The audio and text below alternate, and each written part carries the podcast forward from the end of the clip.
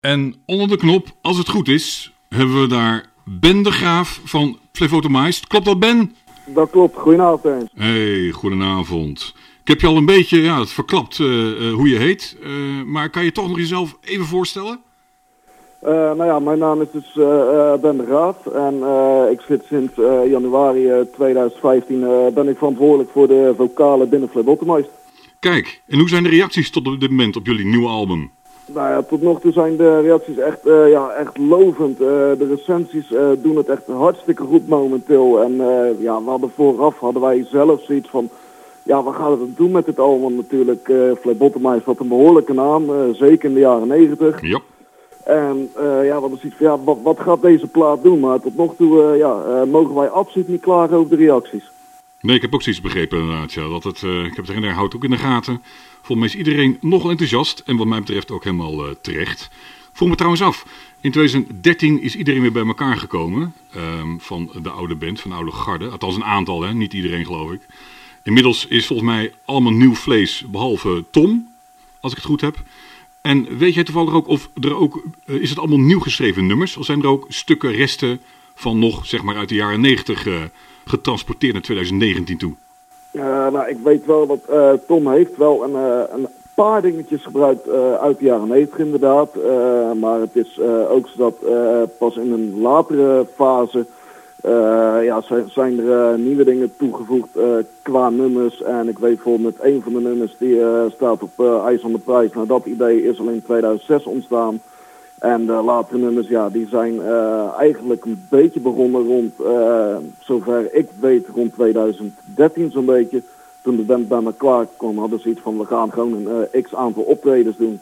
En dan zien we het wel. En op een gegeven moment hadden ze iets van, ja, als wij verder willen met Flip dan zal er toch nieuw materiaal moeten komen. Want wij kunnen niet blijven teren op het oude materiaal. Nee, precies.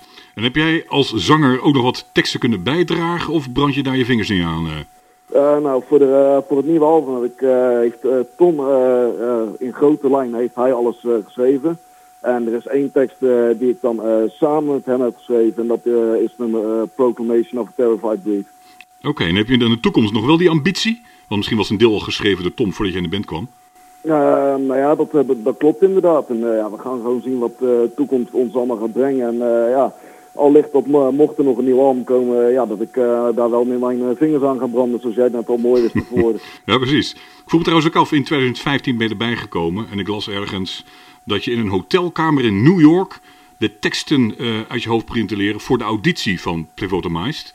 Klopt ja, dat? Dat, dat, dat, klopt, dat klopt helemaal inderdaad.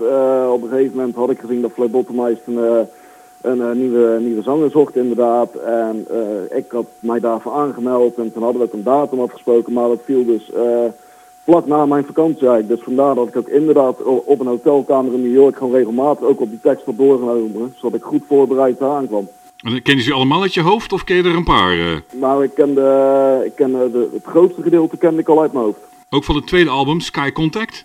Uh, Sky Contact was toen, uh, was toen uh, niet van toepassing. Ik had gewoon een setlist doorgekregen ah. met name nummers van, van Immens en Master Gas van Peach. En dat waren echt de nummers ja, waar ik op moest richten.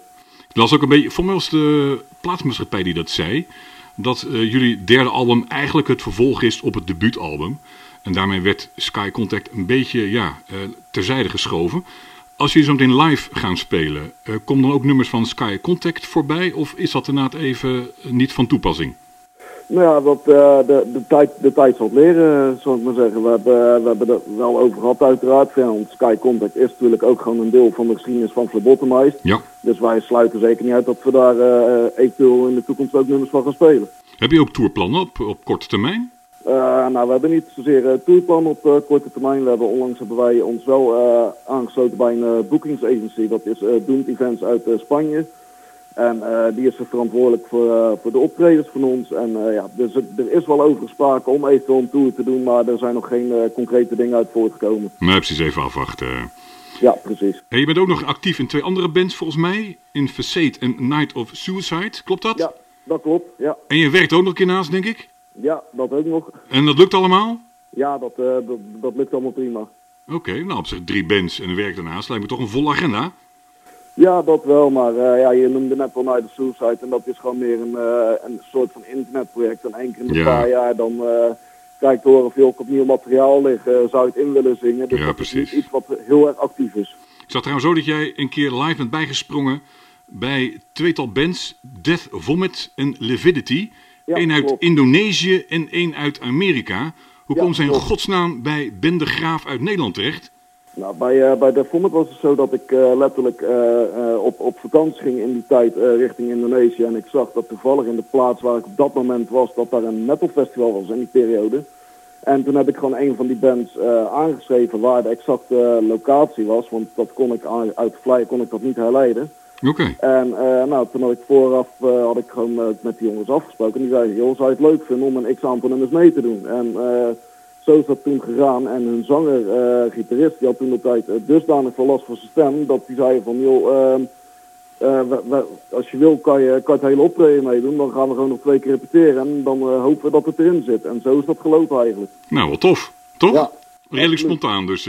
Ja, absoluut. Dat is heel spontaan verlopen allemaal. Hey, we gaan even een nummer draaien van jullie nieuwe album. Heb je trouwens zelf een, een voorkeur, een favoriet? Goed. Ja, dat is moeilijk. Want ja, het album is natuurlijk eigenlijk, eh, eigenlijk een soort van concept.